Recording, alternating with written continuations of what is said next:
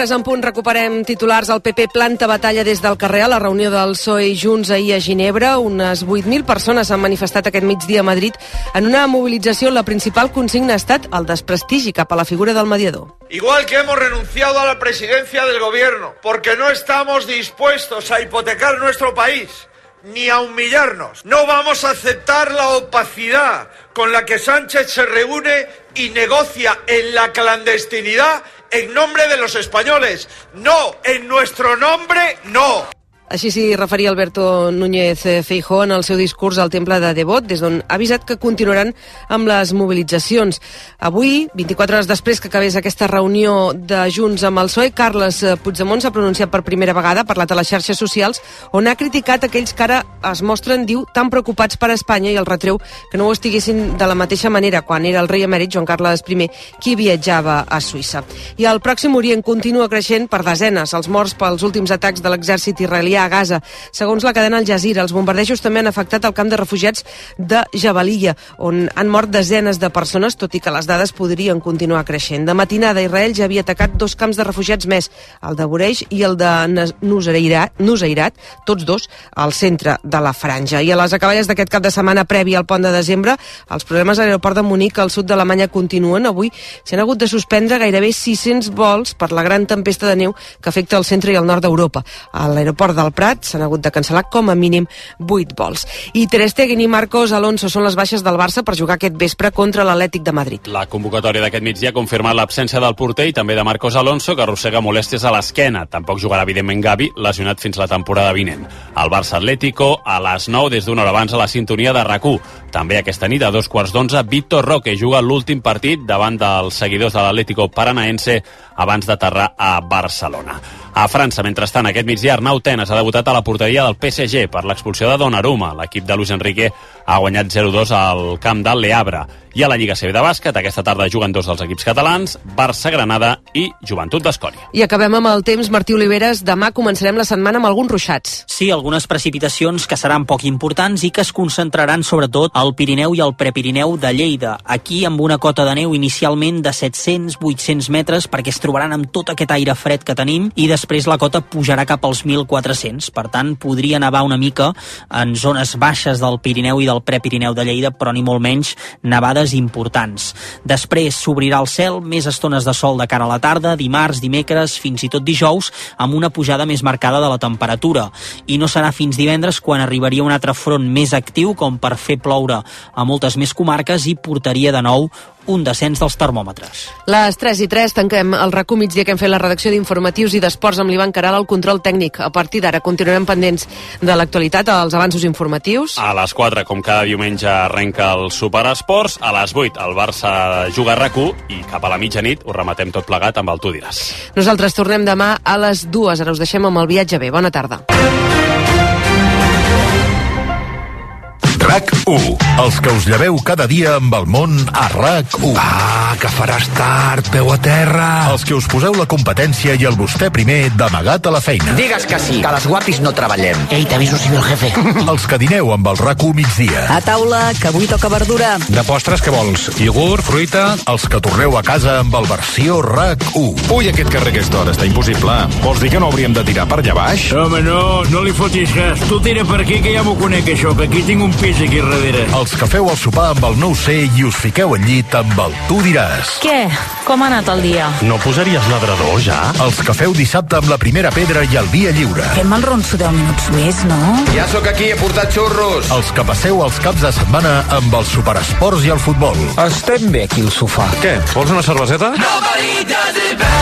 Gràcies a tots per fer-nos líders una vegada més. RAC1 continua amb el lideratge de les ràdios del país amb 947.000 oients diaris. Moltes gràcies.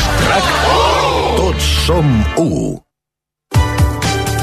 RAC1 i l'Ajuntament del Prat de Llobregat us ofereixen Viatge bé amb Esther Muñoz des de la cinquantena Fira Avícola de la raça Prat. Teniu la maleta a punt, oi? Nosaltres aquest diumenge l'hem portat al Prat de Llobregat, on hem viatjat i hem vingut a fer el programa avui.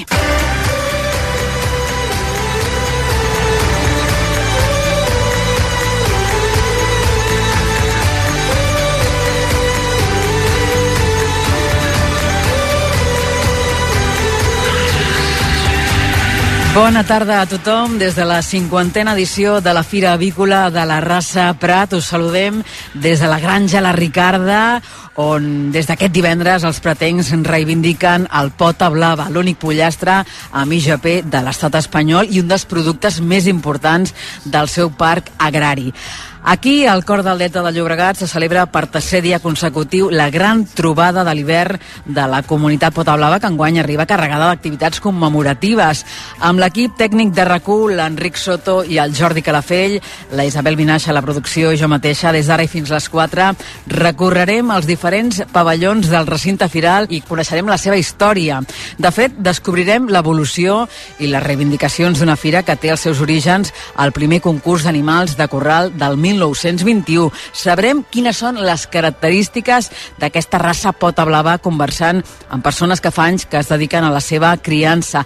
També parlarem de les bondats d'altres productes d'aquesta terra, com per exemple la carxofa Prat i a més a més a l'espai gastronòmic on ara mateix ens trobem coneixerem els restaurants de referència de la zona i les delicioses elaboracions que, que fan amb aquests productes de proximitat del Baix Llobregat. I com no podia ser d'una altra manera, doncs avui també aprofitarem per fer turisme i voltar pels meravellosos espais naturals del Delta de Llobregat. Per cert, amb aquesta sortida celebrem les magnífiques audiències de ràdio que hem obtingut, els 82.000 oients que té aquest programa, el Viatge B, segons l'EGM, que es va publicar dijous, i que indiquen que hem crescut un 82% respecte a fa un any i que continuem líders a la nostra franja horària. Moltíssimes, moltíssimes gràcies a tots els oients per seguir-nos i per convertir rac en la ràdio líder indiscutible a Catalunya durant els darrers 15 anys amb aquests 947.000 oients diaris que tenim. Dit això, ara ja sí, comencem el nostre especial des del Prat de Llobregat.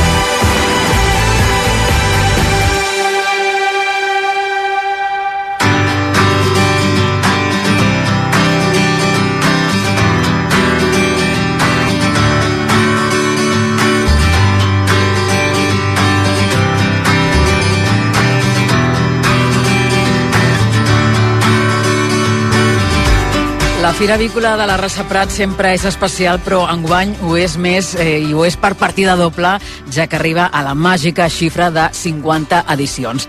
Els pratencs ja fa eh, molts anys que reivindiquen aquest pota blava, l'únic gall de corral amb identificació geogràfica protegida a l'estat espanyol i tota la resta de productes quilòmetre zero d'aquesta terra del Baix Llobregat. De com ha crescut la fira en aquesta ciutat volem parlar ara mateix amb el senyor Lluís Mijoler, que és l'alcalde del Prat de Llobregat. Senyor Mijoler, bona tarda. Bona tarda. Com anem? Molt bé, doncs encantats. Contents amb l'assistència de públic? Sí, no, no sabria dir dades encara perquè encara no les tenim, però sí, sí, si més no diria que com a mínim a mateixes persones que l'any passat o potser més, i l'any passat estàvem amb una afluència de 65.000 persones, per una ciutat de 65.000 també, doncs no està, no està gaire malament. Està molt bé, està molt bé. Podem dir, jo crec que aquest esdeveniment ja està completament consolidat, no creu? I tant, per nosaltres és, eh, ho deia ahir, la, la, la festa major d'hivern, no? És l'espai en el que tothom, tothom de la ciutat hi passa algun moment del cap de setmana, no? I, i aprofita, doncs, eh,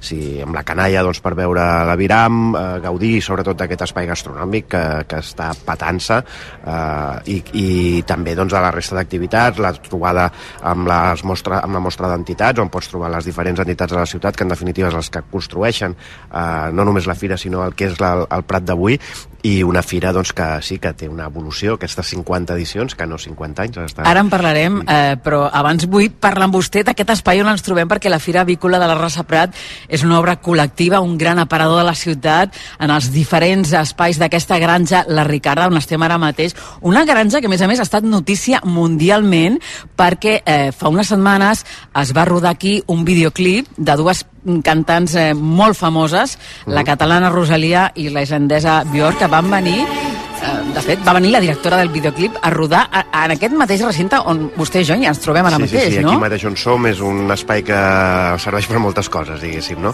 I una d'elles és aquesta fira, i sí, sí, el, evidentment es fa famosa mundialment la granja de la Ricarda, que té el nom també de la llacuna de la Ricarda, és a dir, tota la finca, aquesta granja, aquest espai eh, que era una, una granja, una vaqueria, eh, doncs, eh, estava situada eh, on avui està la tercera pista de l'aeroport eh, i el fruit de l'acord del pacte del Delta, doncs, a les diferents compensacions eh, que AENA havia d'assumir era tra el trasllat d'aquesta granja, per tant, conservar-la, no derruir-la, sinó es va fer el, el trasllat pedra a pedra i la tenim aquí i encara és propietat d'AENA, no? I també, per tant, forma part d'aquest complex, d'això, de la Ricarda, que també s'ha fet famós per altres coses. No? Sí, sí, eh, la, la Carlota Guerrero, que és la directora d'aquest videoclip, eh, va triar aquest espai. Els oients podeu buscar el videoclip de, del tema oral i veure doncs, aquest espai on ens trobem, que pel que m'explicàvem fa una estona, hi ha molts directors no?, que trien el Prat de Llobregat per venir a rodar. Sí, de fet, el Prat és ja la segona ciutat de,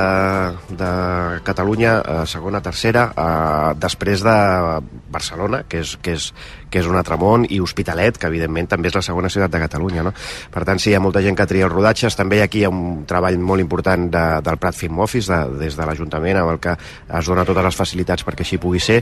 I sí, sí, des d'anuncis de cotxes, aprofitant el pont de Nelson Mandela, fins a espai, als espais naturals, la platja, espais urbans, eh, pel·lícules, eh, anuncis, eh, doncs trobem rodatges gairebé diaris al Prat. Uh -huh. sí, sí. Des del 2017 la fira se celebra aquí, eh, converteix la Ricarda en un aparador del Prat, de la seva gent, del seu territori. Quins són eh, els col·lectius que hi participen i que podrem trobar als diferents espais? Bé, la seva ànima és la, la Fira Avícola, no? la, el concurs eh, de Viram, amb el que els exemplars de, de Pota Blava, doncs els criadors els posen, eh, els exposen, no? i finalment un jurat doncs, eh, acaba donant uns premis. Aquest és, és l'ànima de, del, que, del que suposa aquesta Fira Avícola i li dona el seu nom, però hi passen moltes més coses. No? Hi ha també la mostra d'entitats, que ja és el 21, la 21a edició que, que es du a terme, on les entitats de les ciutats exposen no simplement, però és un espai de trobada, un espai de xarxa, no? on, on es troben, es donen a conèixer la ciutadania aquelles eh, que, no, que són més noves, més desconegudes i aquelles que ja tenen també una gran tradició doncs també tenen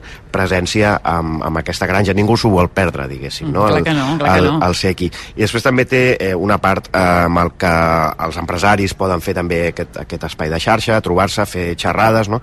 eh, que és la part, i la part comercial, no? amb el que també hi ha exposicions de, de diferents eh, comerços de la ciutat, i el que també és el que segurament té un pol d'atracció conjuntament amb, el, amb, els, amb els pollastres més important, que és aquest espai gastronòmic, no? on eh, diferents eh, restaurants, eh, diferents eh, propostes de la ciutat doncs, tenen lloc aquí, es, es conjuguen, no?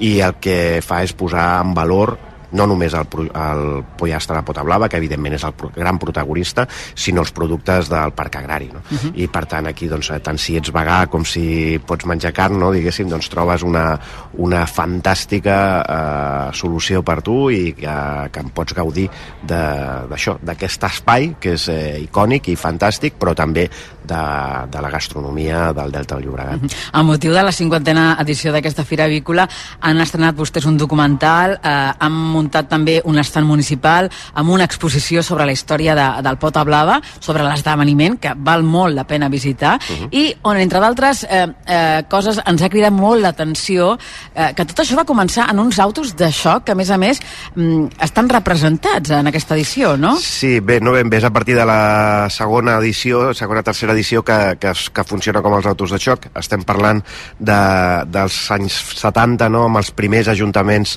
eh, de, democràtics no? i on era molt difícil i complicat trobar recursos per fer les coses, però tot i així hi havia la voluntat de, de fer aquesta, aquesta fira i el que es va fer doncs, és que contractar uns autos xoc, contractar no, permetre, donar la llicència a uns autos de xoc perquè estiguessin durant al llarg de tot el Nadal al vell mig de la ciutat, a la plaça Pau Casals, i a canvi de que a l'inici fos l'espai en el que es feia aquesta exposició de Viram. No? Allà es col·locaven les, les gàbies, no? Sí, solucions imaginatives, no?, per, diguéssim, per, per trobar els recursos, i allà es col·locaven les gàbies i després es traien les gàbies i es posaven els autos, no? I avui, doncs, la, la, la gent de promoció de la ciutat que ha fet el, el ha pensat, no?, la, ha ideat com havia de ser la fira d'aquest any, han tingut aquesta brillant idea de fer un guinyo, no?, aquesta, aquests autos de xoc amb aquesta carpa que han col·locat aquí, que, que la veritat és que a la gent li agrada molt i està quedant molt xulo. Sí, sí, ho estem veient. A l'entrada també de l'exposició hem vist una retrospectiva de tots els cartells que, que han tingut les diferents edicions d'aquesta fira.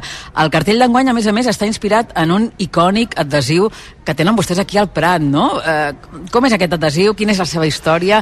Eh, els pratencs s'identifiquen molt amb aquesta imatge. Sí, o sigui, els pretencs ens diem Pota Blava, no? Ens autodenominem Pota Blava i això demostra, és, és molt més, és una icona del sentiment de pertinença a una ciutat no? i l'orgull de sentir-nos pretencs i pretenques.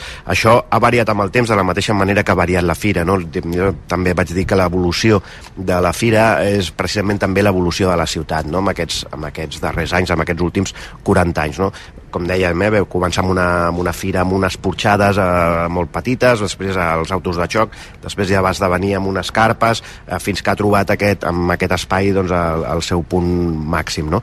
Però la ciutat també ha anat, ha anat evolucionant en aquest sentit i hem passat d'uns anys 70 amb el que molts els nostres pares segurament quan anaven a, a buscar feina molts cops no deien que eren del Prat per, perquè si no potser no, no els jugaven no?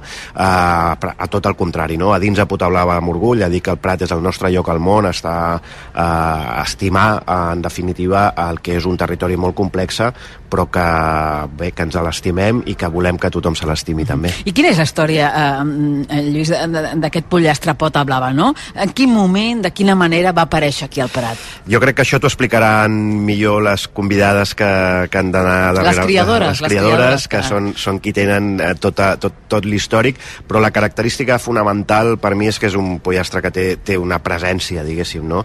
eh, impressionant i sobretot una carn amb, el, amb un valor gastronòmic impressionant.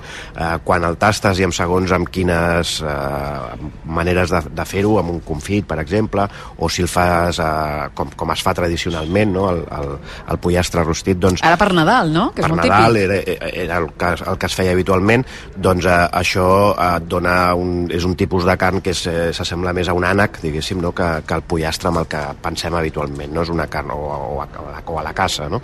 és una carn doncs, amb, molta, amb molta força i molt valor gastronòmic. Uh -huh. um, aquest pota blava, doncs, ara mateix eh, sí que és veritat que aquí hi ha criadors, però vostès estan molt preocupats pel seu futur i, i tenen ara mateix un projecte per preservar el pota blava, no? M'agradaria saber en quin punt està aquest projecte i quina és la idea ben bé. Sí, per nosaltres és molt important que es mantingui, no? i evidentment eh, amb, la, amb la Granja Torres doncs, ja l'Ajuntament va fer un esforç el 2015 eh, per adquirir-la i després posteriorment donar la Granja Torres és la granja que comercialitza que el, els pollastres. Exacte, és el principal productor i aquest és el, el productor per la gastronomia no? i això està salvat, de fet eh, el consum ja no és estacionari, no és només el Nadal sinó que es fa al llarg de tot l'any i per tant amb això ja, ja diguéssim que eh, el pollastre ja té la, teva, la seva continuïtat, però el que volíem era mantenir la continuïtat dels criadors, els, uns criadors que habitualment sempre ha estat la pagesia no? qui, qui, qui ho ha tirat endavant i que per tant era un complement de, de la seva activitat i que cada cop és més difícil, és molt complicat a ciutat poder criar un pollastre no?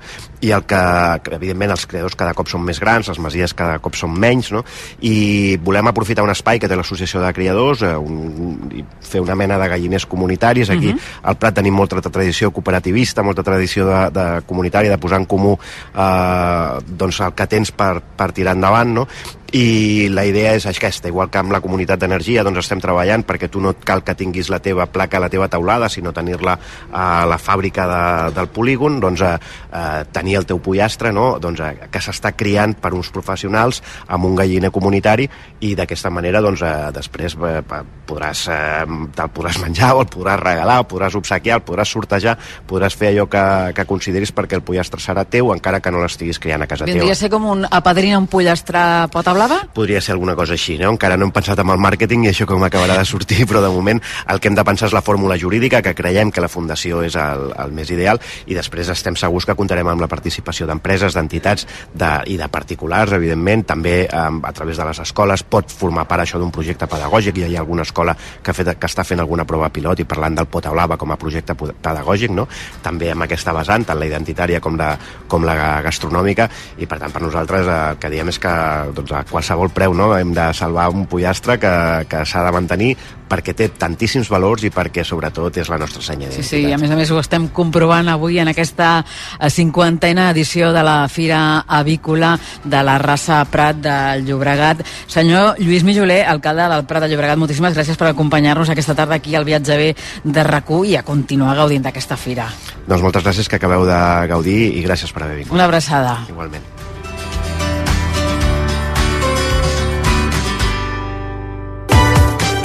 RAC1 i l'Ajuntament del Prat de Llobregat us estan oferint Viatge bé amb Esther Muñoz des de la cinquantena Fira Avícola de la raça Prat.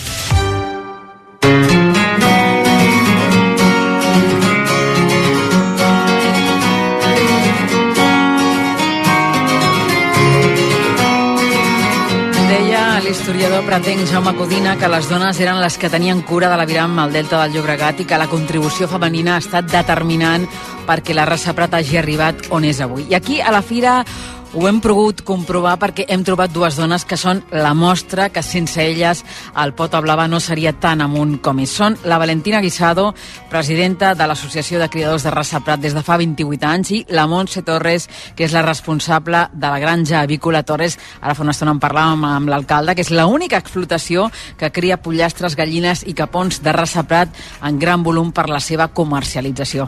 Valentina, Montse, bona tarda i gràcies per acompanyar-nos. Bona tarda. Com esteu? Estamos muy bien. Vosotras sou fixes aquí, ¿no? Cada año a la fira, ¿eh? Sí. Sí, Hombre, sí, es sí. nuestro cometido. Estamos criando los pollos todo el año para presentarlos a la feria. Són les protagonistes, sense vosaltres no hi hauria fira, eh? No, desde luego. Eh, deia jo ara a la presentació que eh, l'historiador pretenc Jaume Codina eh, afirmava que sense dones el Pota Blava no hagués existit, no? Vosaltres què en penseu? Esteu d'acord? Hombre, yo estoy de acuerdo, porque las mujeres somos las que vamos primero, ¿no? Los hombres si van al campo, la mayoría casas de payés, los hombres al campo y las mujeres hacer las cosas de la casa y criar las gallinas, o sea, y los pollos. Y eran lo que había antes. Vosaltres vau ser les que vau aconseguir aquesta raça Prat, de fet. Bueno, sí, lo- a ver, antiguos, ¿eh? Después han venido conservando y clasificando y hacemos el libro genealógico para conservar la raza. Valentina, eh, tu ara mateix tens 81 anys, mm. ets de Ciudad Real, allà ja criaves pollastres Sí. amb els teus pares, Sí. però quan et vas casar vas venir aquí al Prat i dius que et van cridar molt l'atenció els Pota Blava, no? Me encantaban. Eren diferents Ay, dels diferente. pollastres que tu criaves, Hombre, no? en casa eran negros, jaspeaditos, y claro, a ver estos tan bonitos, yo decía, madre mía, que... Y me gustaba bajar, yo los veía por la ventana donde vivía, y el patio de mi suegra, y ella criaba. Yo decía, madre mía, qué bonitos son. Después un año... eh, fui a comer a casa, no sé si era para la fiesta mayor o para Navidad, no sé, y vi los letreros de la feria y le dije a mi suegra, ¿por qué no llevamos sus pollos a la feria? No, no, no, no, déjame, déjame. Digo, pues vale, cuando yo voy a criar y voy a llevar, bueno, ya criaba, digo, al año que viene llevaré yo pollos a la feria. Entonces, mira, 40 y... no, en el año 74, pues mira, 46 ferias que llevo. I com són a nivell morfològic? preciosos, preciosos. Son la cresta que tienen eh, cuatro, ci- cinco o seis puntas, bien rojas, bien carnosas, la vermellera roja también, la orejilla blanca, el pico marrón, bueno, los ojos rojizos. I la Pota Blava? Y la pota blava, sobre todo. A ver, todos los pratenses somos pota blava, o sea que... I molt orgullosos de ser-ho, eh? Va, vaya... Valentina, tu fa eh, 48 anys que, que cries pollastres Pota Blava des de l'associació que precedeixes, que, que esteu Sí. fent aquesta feina que ens explicaves, molt important per mantenir la raça, no? Sí. Eh, en què consisteix això de l'arbre genealògic? Pues eso, mira, mm, cuando nacen las, bueno, los pollitos les ponen una, una chapita con un número y después vienen los, con, mm, los que son más bonitos, los más perfectos, pues los van apuntando y, y ya sabemos de quién es el padre, la madre eh, y, y bueno, y los abuelos, ¿no? Y entonces ya se quitan los, los más feos y van dejando lo mejor. Después vuelven otra vez, conservamos los, las gallinas eh, en unas jaulas, ponen los huevos, ponemos el número de la gallina, los llevamos a la incubadora y así cada año sucesivamente.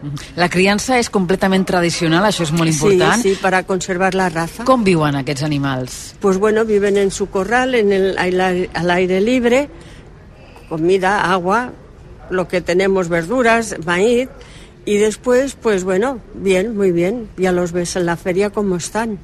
Tot això és el que fa diferent, no? A, Sí, aquest aviram sí. de la resta que podem trobar al mercat. Sí, sí. Montse. Hombre, la carne es diferente, es buenísima la carne. I tot això que m'estàs Oh, explicant claro. és el que té a veure, el que Sí. acaba influint, no? Claro, en, el, en la qualitat del claro, producte, eh? Y el estar a- al aire libre, pues aún la carne es más fuerte y tantos meses en el dentro del gallinero. I, I amb força espai, amb molt claro, d'espai. claro, bueno, corren a sus anchas. Montse, en el teu cas, des del 2011 ets la responsable d'aquesta granja avícola Torres, eh, com dèiem, l'única explotació que cria pollastres, gallines, capons de l'Arsa Prat en gran volum per la seva comercialització, però mm, tu des de que tens dos anys, Sí. que els teus pares ja et portaven aquí a la fira, no? Qui- Quina relació tens eh, amb aquest sector? Pues pre- precisamente es justamente lo que acabas de comentar. Yo con dos años ya estaba viviendo en una granja eh, y estaba siguiendo los pasos de, de mis padres porque el campo me encantaba y todo lo que tenía relación, vamos, he tenido una infancia eh, fenomenal y extraordinaria y diferente de muchísima gente. Y eso al final, si encima lo he podido aprovechar para hacerlo como mi trabajo, es ideal. Els teus pares van venir d'Andalusia, Correcto. allà també es dedicaven doncs, a tot aquest àmbit, però arran de, de, de conèixer la, la Valentina va ser també que Ex- van començar amb el Pota Blava. Exacto, la Valentina yo creo que eh, ha sido la, la fuerza, la voz que ha animado a muchísimos, a muchísimos productores para seguir adelante, eh, incluido mi padre. Y es por ello que ahora mismo estoy hablando en la radio. O sea, Valentina estuvo hablando con mi padre, también con mi madre. Eh, nos propuso la idea también de hacer una granja y dedicarnos más a lo que es la IGP y así lo hicimos y, a- y es por, por ella que, que también aquí estamos y por mis padres, evidentemente también. L'any 2011 eh, tu et fas càrrec de la granja dels teus pares, no? Qui- Quina és la feina que feu durant l'any, no? És a dir, quin volum de cria teniu d'aus amb aquest segell d'indicació geogràfica protegida de la Unió Europea? Mm, Nosotros producimos entre unos 9.000 y unos 12.000 aproximadamente. Y luego para la venta eh, puede ser para la crianza, puede ser para el consumo. Hemos hecho elaborados, luego no, no podemos olvidarnos tampoco de los huevos, que también están dentro del sector. Y vamos, cada, eh, yo lo digo también muchas veces, eh, mi trabajo me encanta porque siempre puedes ir, no, no tengo un tope y siempre puedes ir pensando nuevas ideas y adaptándote pues al público objetivo para poder eh, abastecer lo mejor posible lo que es nuestra producción. El Nadal és el moment de l'any en què més Pota Blava comercialitzeu? Antes sí que lo era, sigue siéndolo porque al final son navidades, pero hemos pasado de un 80% de ventas a un 30% de ventas en Navidad, lo cual mm, son números que realmente lo dicen, desestacionalizan totalmente. Això vol dir que es consumeix durant tot l'any, que és una cosa bona també, Correcto. oi? Nosotros tenemos partidas casi todos los meses y trabajamos con el pollo durante todo el año.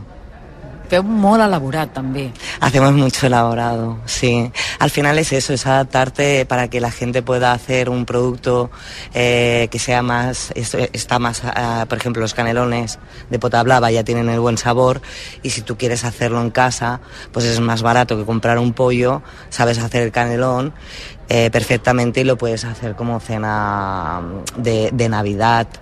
Entonces eso ay- ayuda y facilita al cliente y a nosotros también.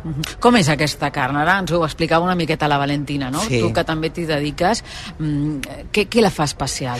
Es que es lo que comentaba la, la Valentina también, ¿no? Con el árbol genealógico. Al final es un pollo de los de antes. Eso, eso es lo que... El pollo de Potablava no... Si se cruza es para mejorarlo, pero de su origen. ¿Vale? Entonces, ¿qué, co- qué conlleva ello? Pues que el animal apenas sea, sea pues... eh, No hi ha creuaments, no, no, no? hay encrau- Exacto, que no, no me salía. Muchísimas gracias. Y de esa forma se ha quedado el pollo de toda la vida. Como es un pollo de toda la vida? El pollo de toda la vida, en nuestro caso, por ejemplo, los muslos los tienen de color amoratado.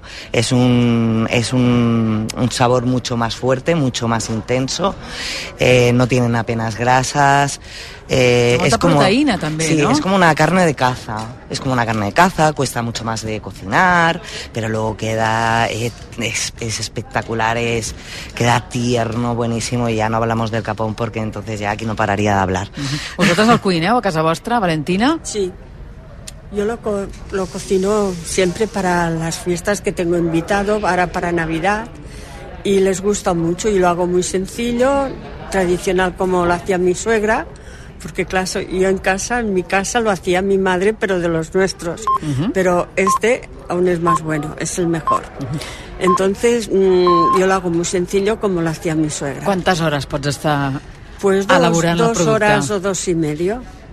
Le voy poniendo caldo, los hago solamente con ajos y una cebollita si conviene. Les voy poniendo caldo si se necesita y después un buen chorro de coñac y ya está. Y después con el caldito, los frutos secos no los pongo dentro del pollo, los pongo aparte.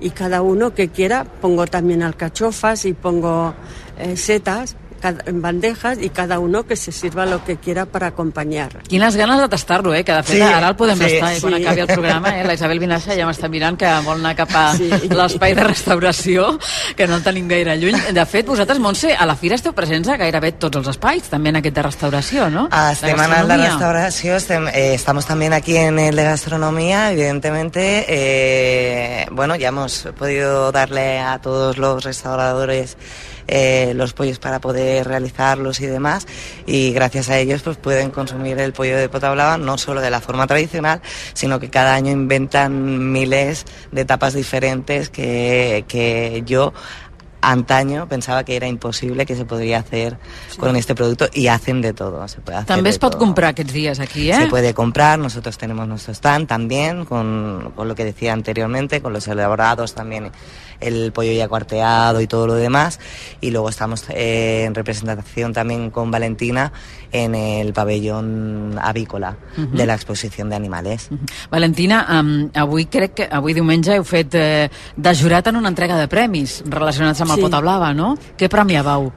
Mira, eh, ayer pasaron los los del jurado y calificaron los pollos el viernes. El, prim- el jueves entran los animales, el viernes pasa el jurado y se califica el que mejor, ¿no? El 5 o 6 puntas, la cola bien de eso, el tipo bien, las orejillas blancas, las patas azules y muy bien. Y entonces, pues bueno, hay un primer premio de gallo, primer premio de gallina, de capones y de la raza blanca, que es muy bonita también la raza blanca. Hi ha molta participació o què? Sí, bueno, los criadores que, que somos son los que vienen. Quants criadors hi ha ara mateix aquí al Prat? Bueno, mm, nueve. Porque uno es de Lérida, el otro es de, de la SEU, bueno, de lejos.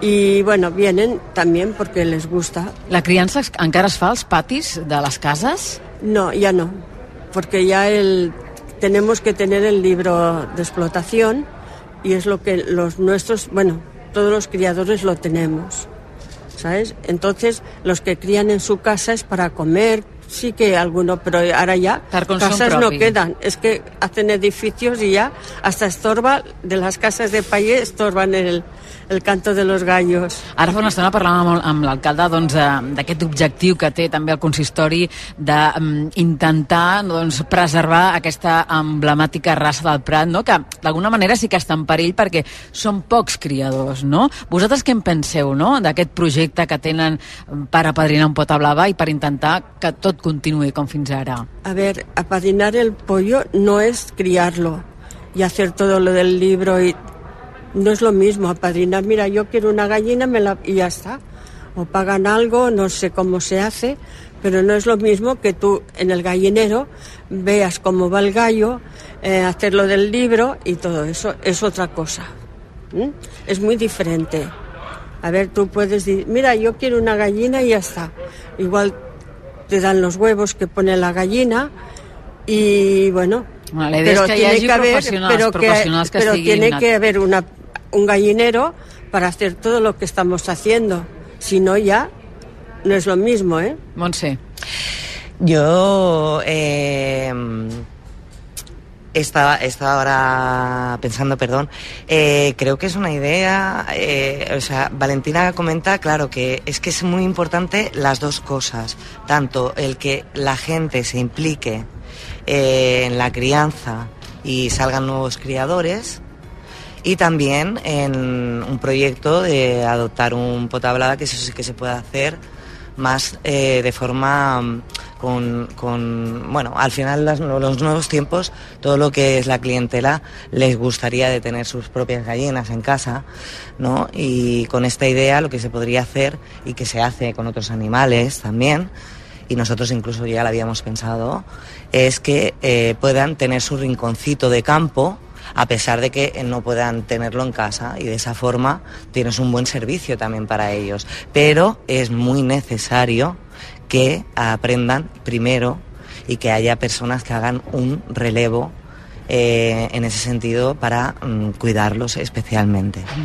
Valentina i Montse, ha estat un plaer tenir-vos avui en representació d'aquestes criadores dones eh, que teniu Muchas al. Prat de Llobregat. Moltíssimes gràcies, enhorabona per la vostra feina i fins l'any que ve. Muy bien. Que Hasta vagi el año bé. que viene. Muchas Adeu. gracias. Adeu.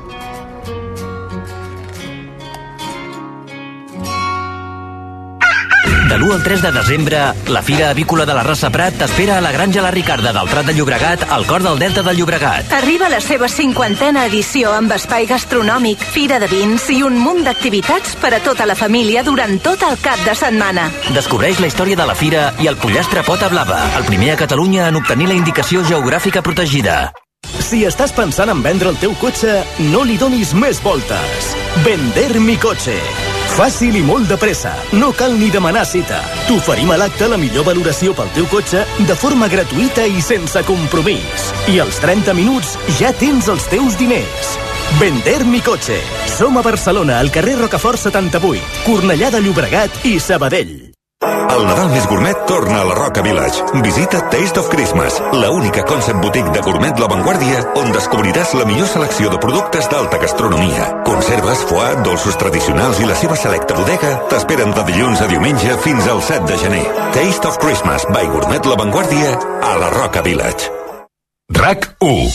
Hola, sóc la Marta Cailà i he triat el verset Per què sabem que és Nadal de Joan Llongueres perquè em fa pensar en les festes de Nadal que passo amb la meva família, sobretot en els versets que els meus fills llegien de petits i és una tradició preciosa.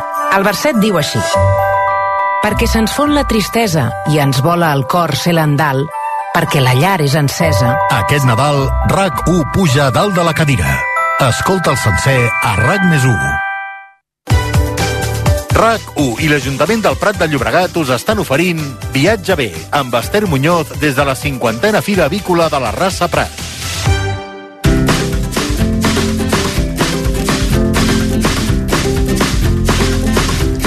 La Fira Avícola de la Raça Prat no s'entén sense la gastronomia d'aquest territori i això ho estem comprovant perfectament els del viatge bé des de l'espai gastronòmic on ens trobem ara mateix. L'han organitzat el consistori, també l'Associació Gastronomia i Turisme i aquí hi ha platarets de pota blava, caixofa Prat, productes de temporada del Parc Agrari del Baix Llobregat, que, com comprendreu, a aquesta hora de la tarda són una autèntica temptació. Els coneixerem molt bé amb els dos convidats que ja m'acompanyen. Són l'Òscar Teruelo, president de l'Associació Gastronomia i Turisme del Prat de Llobregat, i Xavi Oliva, que és el secretari de la Cooperativa Agrícola del Prat i que coneix la fira des que era un nen perquè amb 6 anys el seu pare ja el portava. Òscar, bona tarda. Hola, bona tarda. Xavi, com estàs? Hola, molt bona tarda. Tu fa 40 anys que participes a la fira, que es diu aviat, eh? Des que tinc memòria, sí. Tens records d'aquells primers cops? Sí, i tant. Sí, Què recordes? Bueno, me'n recordo de posar els ànecs en les gàbies per portar-los a la fira, perquè aleshores es portava tot tipus de viram també, com dins del que era la mostra agrícola, i pues, preparar els cavalls, i com que aleshores la masia i les quadres estaven dintre del poble, pues, anàvem caminant pels carrers a, cap, a, cap a la fira. Com ho feu ara? Què porteu ara? Ara mitjans de transport, eh, reglamentats, amb el certificat sanitari i amb més papers que, que els que porto el cotxe. Porteu cavalls també? Sí. Cavalls, mules... Mm. Tu, Òscar, eh, fa 13 anys que organitzes a, a aquesta fira, aquest pavelló gastronòmic on, on estem ara mateix, eh, aquest espai que, a més a més, ha agafat moltíssima força, no? Eh, quin ha estat el motiu? A veure, la veritat que la, la fira avícola, eh, realment lo, lo important i, i, i, i la base de tot és el que ha comentat el Xavi, no? Des del bestiar, la pagesia, no? Així va sorgir sobretot a la retornada de l'any 75-76, va sorgir per això, per aquesta mostra avícola i a partir d'aquí pues, donar aquest patrimoni agrícola que tenim nosaltres aquí en aquesta ciutat. Però no oblidem que és un producte agroalimentari, els dos, tant el pota blava com la carxofa prat i creiem que és molt important per als visitants que vinguin i que gaudeixin de, de la gastronomia local i que millor amb els restauradors locals Sí, no? sí, vosaltres el que voleu és això, no? El vostre objectiu és posar en valor els restauradors locals, que en teniu molts i de molt bons. La veritat que sí, i cada vegada més estan treballant més el producte. Sabem que el potaula és més complicat de treballar, però sobretot l'escarsofa és una bogeria, la gent com cada vegada més està treballant eh, nosaltres la, la carsofa prat o, i s'està treballant molt, però fins i tot el barecillo, no?, que tal, que fa un entrepà i li posa l'escarsofa en aquest moment, no?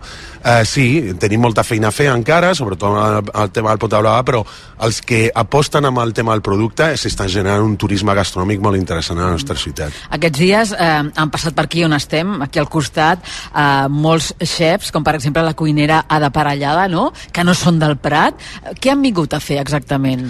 És el que volem, que vingui gent que no són del Prat, eh, igual que tenim nosaltres un altre projecte, que és el Fira Tapa Carsofa Prat, que es fa el mes d'abril, doncs en aquest, que és més internacional, no? que arriba a més gent amb el tema del Pota Blava, que és la Fira, la, la festa d'hivern de, de, de l'Ajuntament, no? del poble, pues, eh, intentem que vingui gent de fora. Ve eh, Ada Perellada, Mònica Escudero, eh, ve l'Iñaki Aldrey, que és del a Tempo, bueno, ve eh, del Rassoterra, ve gent de fora que vinguin a cuinar els nostres productes, que ja estan acostumats, sobretot les Carsofa estan molt acostumats, però que volem això, no? donar encara més ressò als nostres productes eh, de, locals i de I temporada. ara parlaré de seguida amb el Xavi de la Carxofa Prat, perquè ell la, la cultiva, de fet és el seu producte estrella, però abans vull parlar d'aquests esmorzars de forquilla eh, que hem vist aquí, aquest menú de carxofa i pota blava, eh, el pollastre, mm, aquí hi ha moltíssima tradi tradició de menjar-lo no només a casa, sinó també d'anar al restaurant.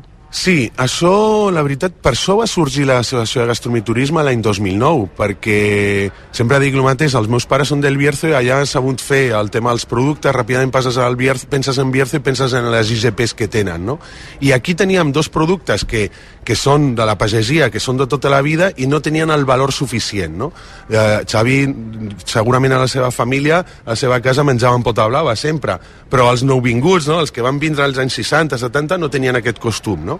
Jo crec que amb l'Associació de Gastronomia i amb les activitats que ha fet l'Ajuntament de, del Prat, que, ha, que ha motivat molt a, també aquest turisme gastronòmic, s'està aconseguint que, que, que els restaurants es don- s'adonin que si treballen el tema del potaula de l'escarsofa atrauran a gent de fora.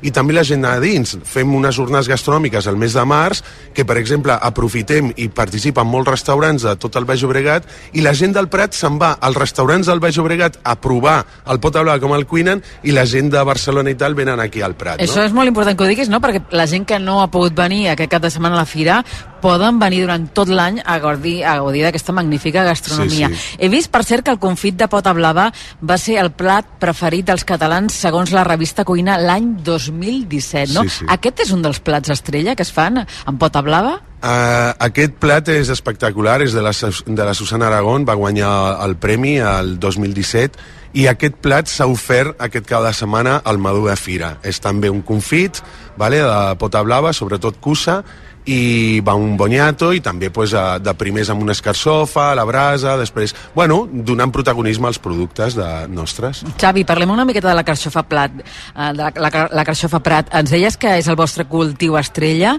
Ara mateix som en temporada? Ara mateix ja estem començant la temporada. Acabem de començar a collir. Com, com és aquest producte? Extraordinari. Per què? Per al lloc on estem, i això fa que sigui extraordinari la carxofa, però també les faves, els melons, els tomàquets i tots els productes que fem. No? Nosaltres sempre aprofitem el tirón de la carxofa per reivindicar que, que l'estrella real és, és la zona. Estem en una zona privilegiada, eh, terra deltaica, proximitat al mar, un punt de salinitat... Tot, tot això fa que al final la nostra carxofa sigui més tendra i més dolça que la mateixa varietat cultivada a altres zones de, de la península. Quina producció teniu vosaltres? En quilos, Sí. nosaltres podem fer dos milions de, de tonelades L'any. Déu-n'hi-do, déu nhi déu Això vol dir que um, us demanen carxofa Prat des de molts punts, no?, Perdó, del Dos milions territori. de tonelades, no, dos milions de quilos.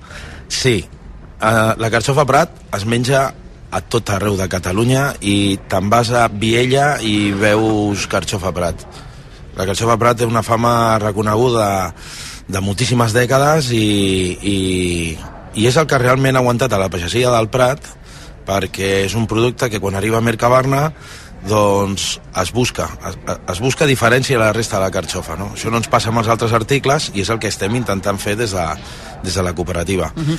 He vist que heu fet un concurs de paneres aquests dies, uh, paneres que, que, on hi havia més verdures, no? a part de la carxofa Prat, no? Quines són aquestes altres verdures que, que també cultiveu aquí? Totes les verdures que has vist a les paneres són cultivades per nosaltres. Quilòmetre ha- zero. No n'hi han de fora.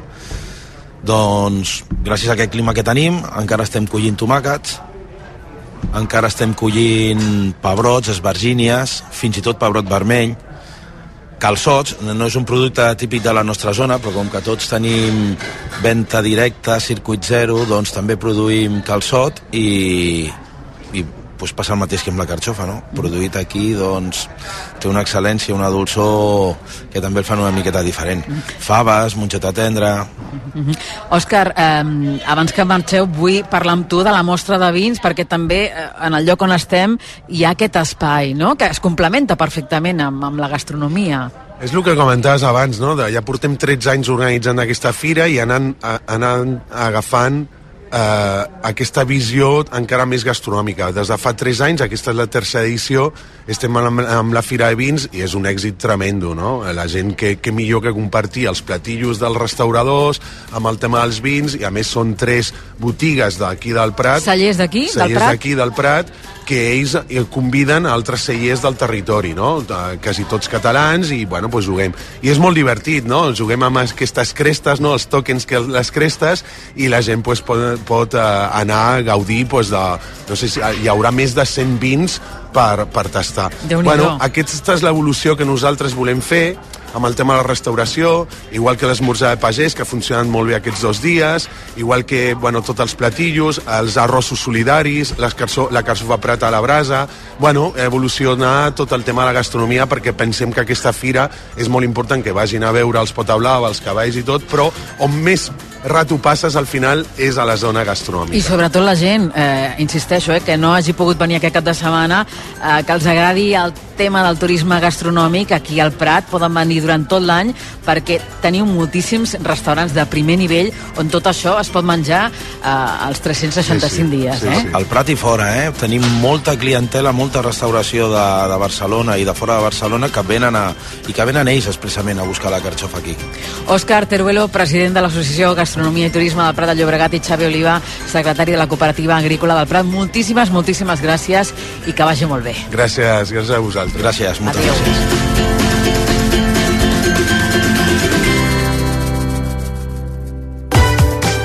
RAC1 i l'Ajuntament del Prat de Llobregat us estan oferint Viatge bé amb Esther Muñoz des de la cinquantena Fira Avícola de la Rassa Prat.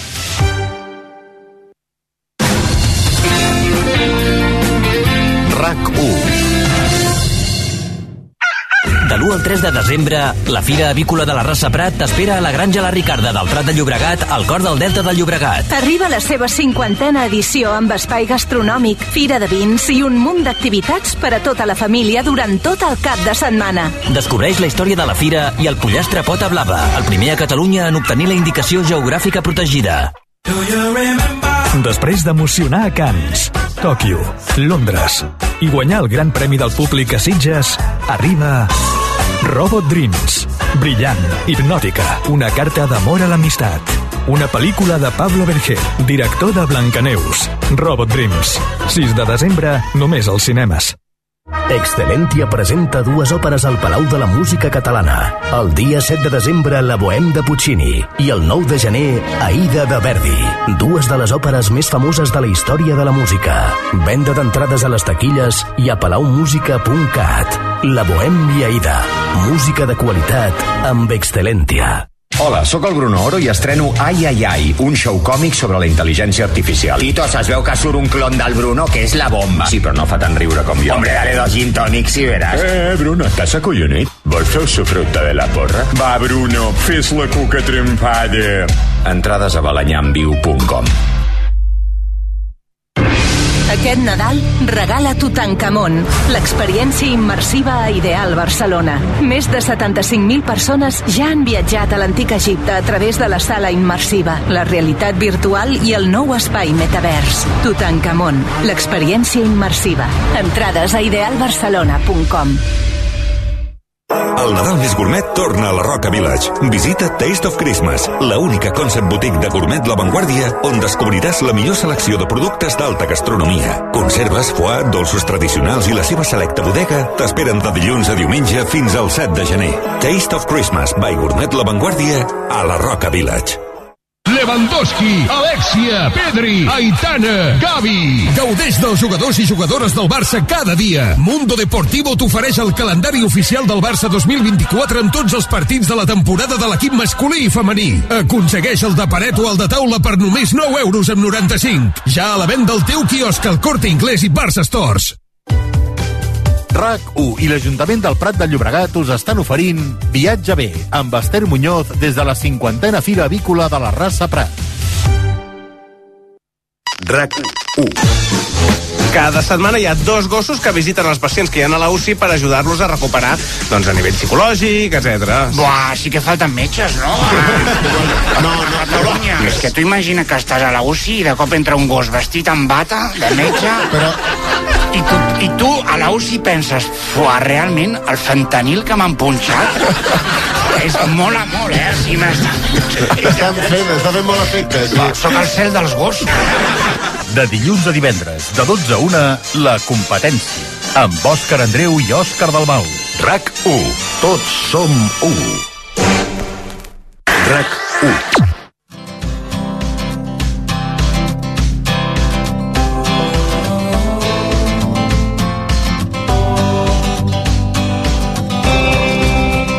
després de parlar de turisme gastronòmic, aquest viatge especial des de la cinquantena edició de la Fira Avícola Rassa Prat l'acabarem de ruta pels espais naturals del Delta del Llobregat i per això li hem demanat a la Maria José Albaladejo, gerent del Consistori per a la protecció i la gestió dels espais naturals del Delta del Llobregat, que ens guiï més concretament per aquests espais del Prat de Llobregat. Maria José, bona tarda, benvinguda. Hola, bona tarda. Quins són aquests paisatges que ens connecten amb la natura i que tenim aquí a tocar del lloc on ens trobem, de la granja de la Ricarda? Doncs mira, el delta del Llobregat eh, és el delta, és la, la depressió deltaica que forma el riu Llobregat quan arriba a la seva desembocadura. I justament arriba a la seva desembocadura aquest riu al municipi del Prat de Llobregat. I per tant allà tenim aquí tenim aquests espais naturals que des de fa ja alguns anys doncs, s'han obert, s'han disposat amb, amb equipaments de, d'observació, amb itineraris, eh, amb visites guiades, amb, amb tota una sèrie de, de serveis eh, per la ciutadania, per poder-los gaudir, poder-los conèixer i a partir de conèixer-los també poder-los defensar, perquè han estat uns espais que no sempre han estat així, uns espais que han estat sempre molt, molt amenaçats, que encara continuen amenaçats, però que són molt importants, molt, molt necessaris per nosaltres, per la ciutadania del Prat i en general per, per la, per la ciutadania de l'àrea metropolitana, que és el seu, diguéssim, àmbit d'influència. Sí, sí, que els tenim a tocar, els heu preservat, teniu en concret dos espais naturals del riu que podem descobrir fent aquests itineraris que tu ens comentaves, no?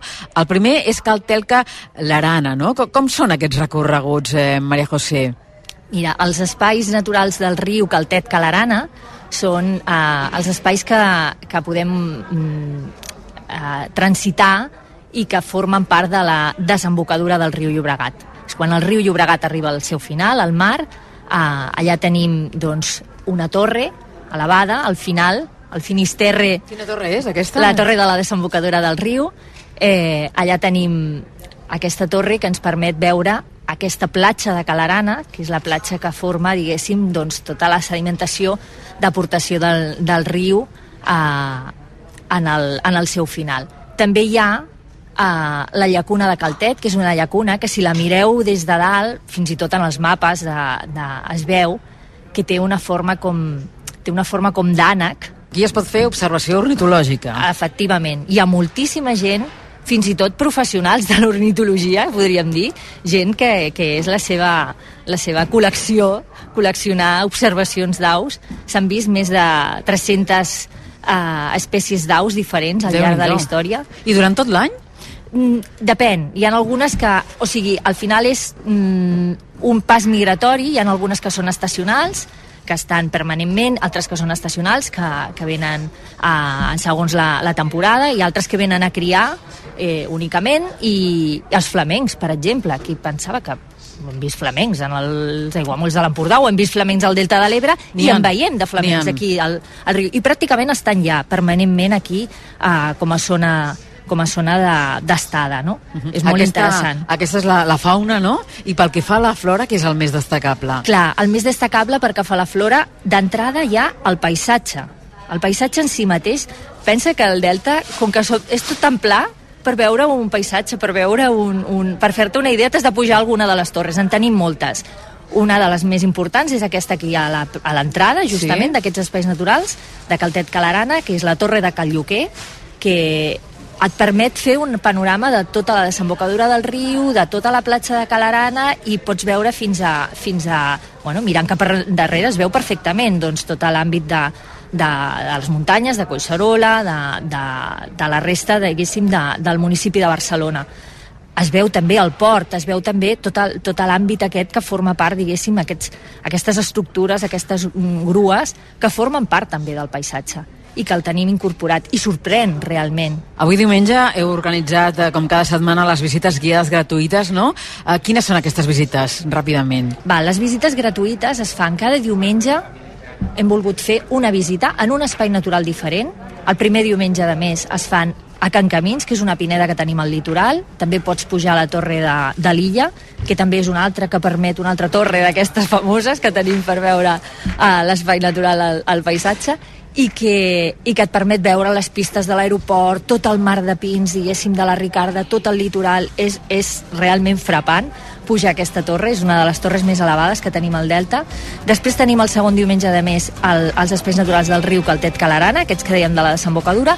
El tercer, a la, als espais naturals del riu Bunyola, Carrabiners, Samàfor, que et permet arribar a dos edificis runa que s'han conservat i que s'han convertit en miradors, com són l'edifici de Carrabiners i l'edifici del semàfor, fantàstics, amb una passarel·la elevada al semàfor que arriba al segon pis i que, i que havia estat un antic mm, far de suport a Montjuïc i per tant molt, molt, molt, molt interessant.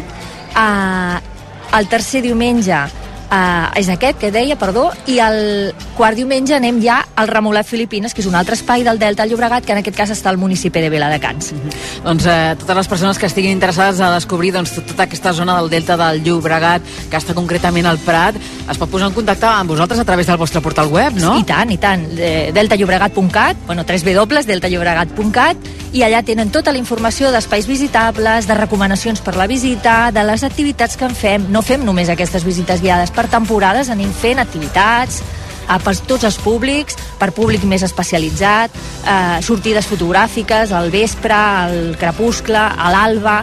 O sigui, eh, al final és, és això, és gaudir de la natura, aprendre de la natura i sobretot, sobretot, sobretot, a conservar-la. Molt important, molt important. Que és el que esteu fent vosaltres des del Consorci per a la Protecció i la Gestió dels Espais Naturals del Delta del Llobregat.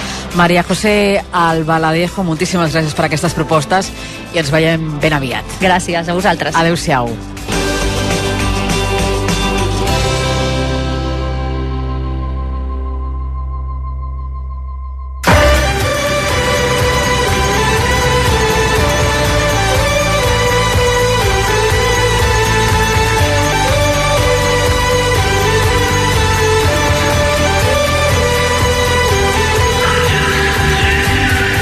Doncs fins aquí aquest viatge bé especial des de la cinquantena Fira Avícola de la raça Prat que hem fet des de la granja La Ricarda del Prat de Llobregat. Ha estat un gran descobriment conèixer els Pota Blava, aquest símbol d'identitat de la comunitat pratenca també la seva gastronomia, tots els productes del Parc Agrari del Baix Llobregat, els criadors, les criadores, a més a més d'aquestes rutes que ara comentàvem que podem fer pels espais naturals del Delta del Llobregat. Gràcies a tots els oients que ens heu vingut a veure, a l'Isabel Vinaixa, al Jordi Calafell, a l'Enric Soto, a l'organització de l'esdeveniment per convidar-nos i acollir-nos-hi.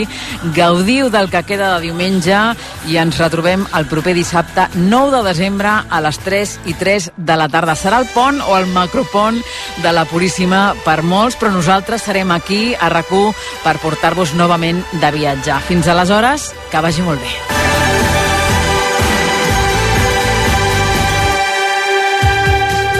RAC1 i l'Ajuntament del Prat de Llobregat us han ofert Viatge bé amb Esther Muñoz des de la cinquantena Fira Avícola de la Rassa Prat.